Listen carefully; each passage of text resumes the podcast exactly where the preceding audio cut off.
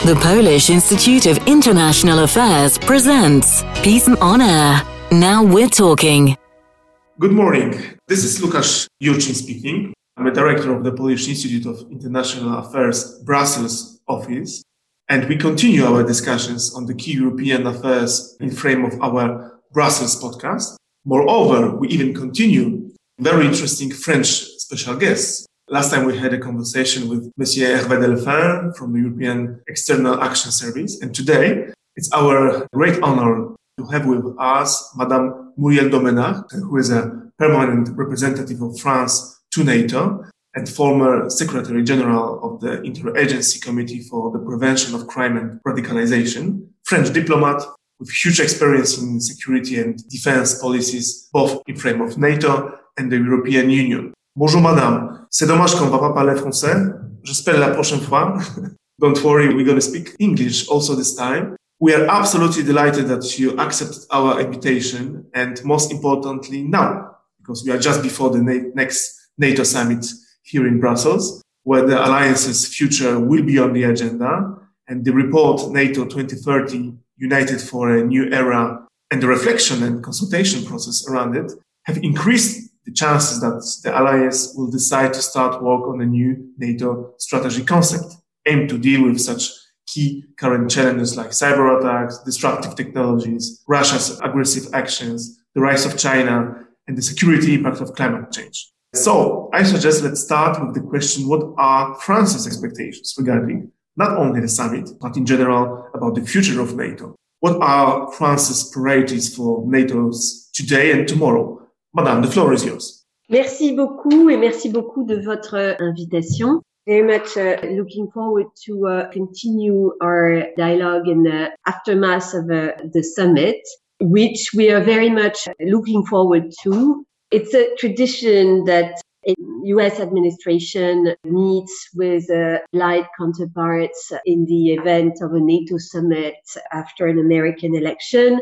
This time, after four difficult years, the very strong expectation both in my capital in Paris, in most European capitals, and here in Brussels, huge expectations for a NATO summit that will get the family together with a sense of renewed transatlantic alliance and partnership. President Biden coming over to a, a NATO HQ, meeting with uh, counterparts, and then meeting with the EU colleagues in a US EU summit that we know is part of the uh, uh, transatlantic discussion with a, a, US administration that no longer sees the EU as a competitor, but rather as a partner. And that fits very much our view in uh, Paris that there actually is a need for the Americans, the North Americans and the Europeans to get back together to work in an environment of increased uh, strategic competition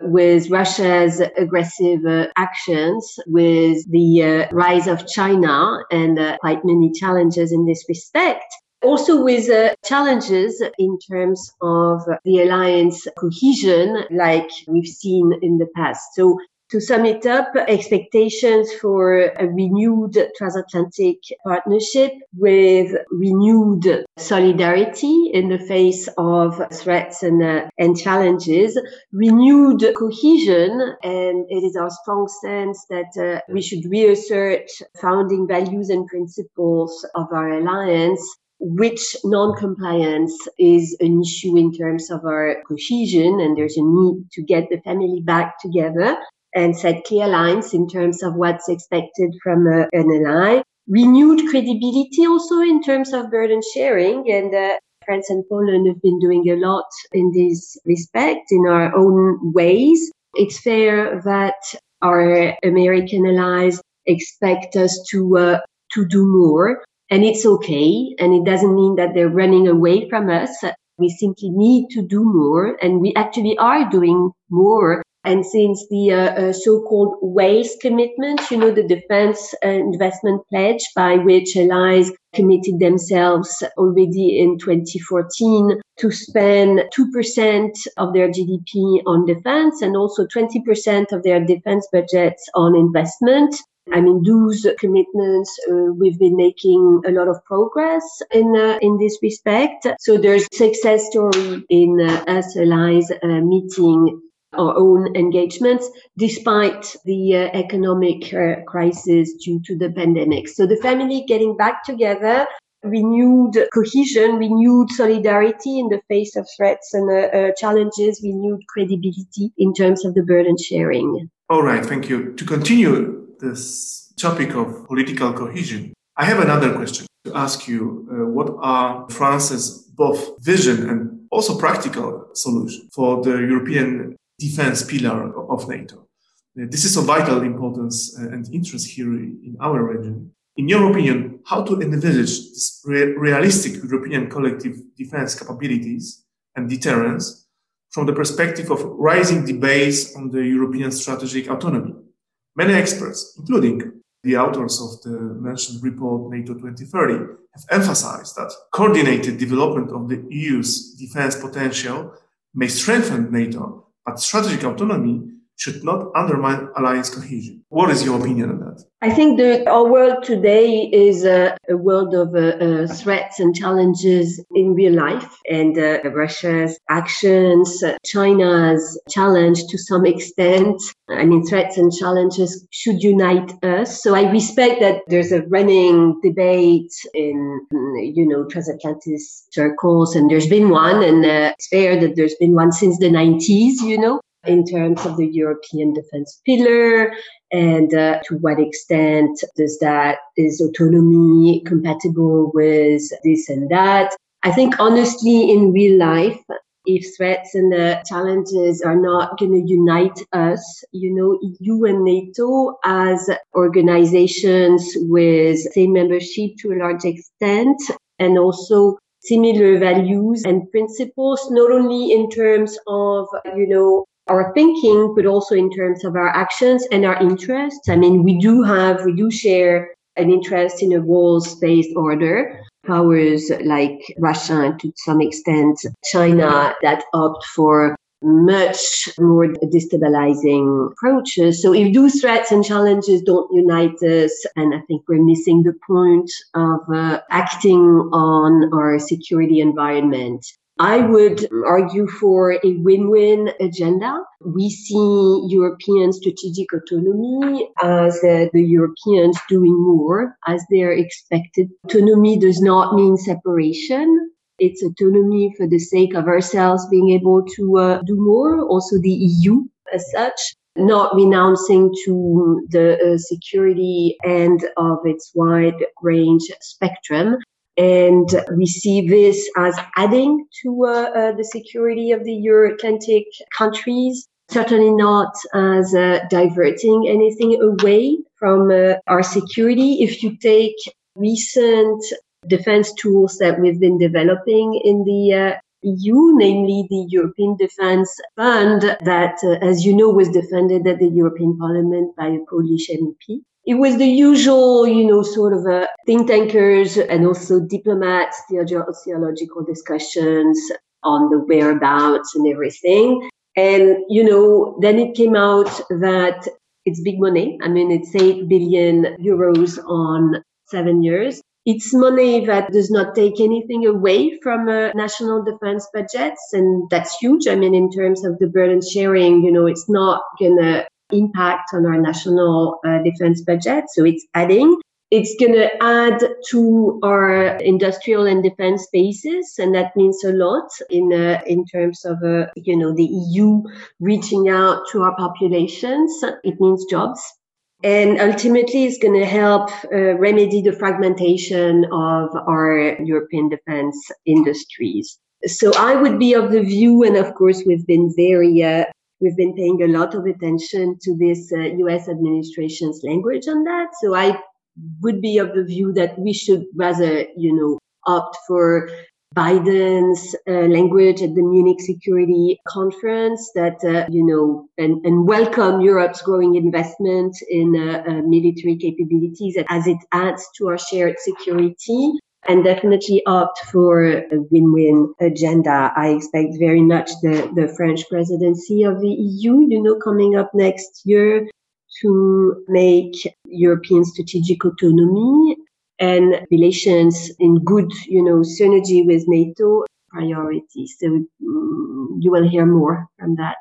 Okay. And in the end, I would like to focus uh, and stick to the NATO's policy towards Russia, namely about the, the fact that uh, this is uh, the country that uh, uses in its foreign policy such tools as chemical attacks and territorial aggression. So, of course, the subject is uh, of, of the highest priority for, for Poland and for the rest of the countries in, in that uh, region. So what should be NATO's policy towards Russia? In mentioned NATO 2030 report, experts on the one hand described Russia as a systemic rival and one of the main military threats to NATO.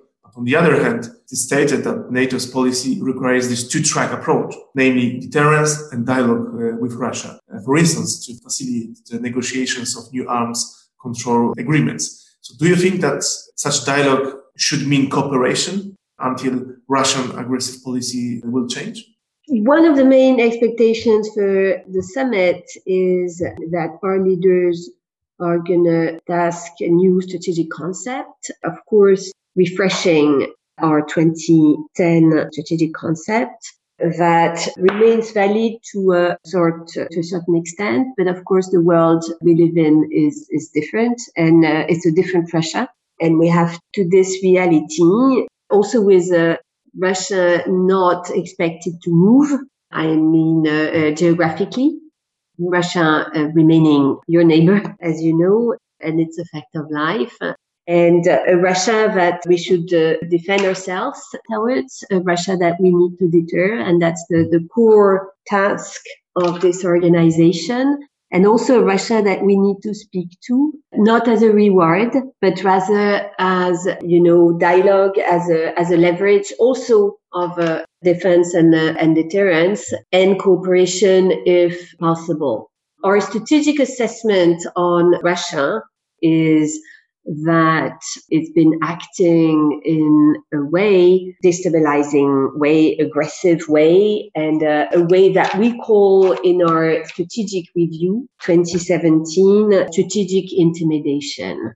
Strategic intimidation, meaning using the full range of possible actions with agility by a combination of internal destabilization, diplomatic or economic pressure, show of force, aggressive sanctuarization of their approaches on the other, great and regional powers developing uh, strategies to assert themselves against rivals and uh, once they see as uh, adversaries. So in a word, strategic intimidation, meaning above the threshold of peace, but below the threshold of uh, uh, war is a lot of what Russia is doing.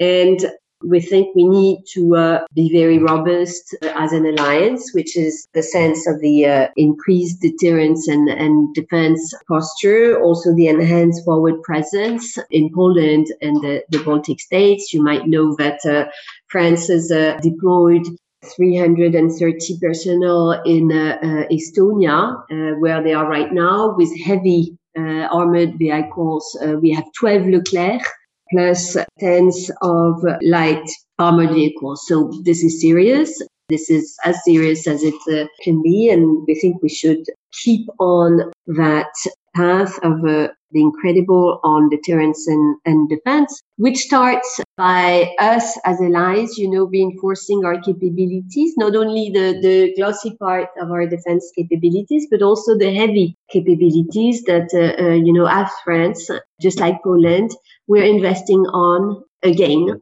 after years of, you know, impetus focus on crisis management, fight against terrorism, which remain uh, challenges, but we think we need to be able to do the, the, the, heavy work as well. So answering your question, I would argue that uh, the dual track uh, approach approved in the 2010 strategic concept clearly is there, was agreed again at the Warsaw Summit uh, in 2016. And I assume there's a broad agreement amongst allies on the notion that we should keep this dual track approach. We are doing that also as France bilaterally in a strategic dialogue that by no means reward and uh, uh, compromising on anyone's security, but rather, you know, speaking also bluntly to uh, the Russians on where we disagree, which is most, which is a lot of, uh, uh, of subjects, what we expect them to not do. In this context, uh, there's areas of uh, cooperation with Russia in our interest on a number of crises where permanent member of the Security Council and uh, with huge influence in those uh, uh, crises, we cannot speak to Russia with its specific relation to Turkey as well in mind. If you think of uh, Iran, if you think of Syria, if you think of even Libya, I mean, cooperation, diplomatic cooperation with Russia obviously is an interest. What do we do at the Security Council, even when Poland sits at the Security Council, other than cooperating with uh, Russia where it is in our interest? So as the NATO representative, uh, I would strongly argue for a strong deterrence and defense posture. Uh, I would also strongly argue for dialogue, not as a reward, but also as part of defense and deterrence. And yes, I would acknowledge the use for uh, the need for cooperation in our interest, uh, specifically in the uh, resolution of crisis. Do I think that dialogue is going to make Russia's policy change? Probably no, but I think it helps, you know, avoiding any miscalculation and it helps us to get more predictability. And I don't think it's taking anything away from uh, defense. And uh, so it's a long answer to your question. And I would flag the concept of strategic intimidation, which we, the French doctrine had, the strategic doctrine had developed in 2017, which I think fits perfectly with Russia is, is what sort of attitude Russia is asserting now.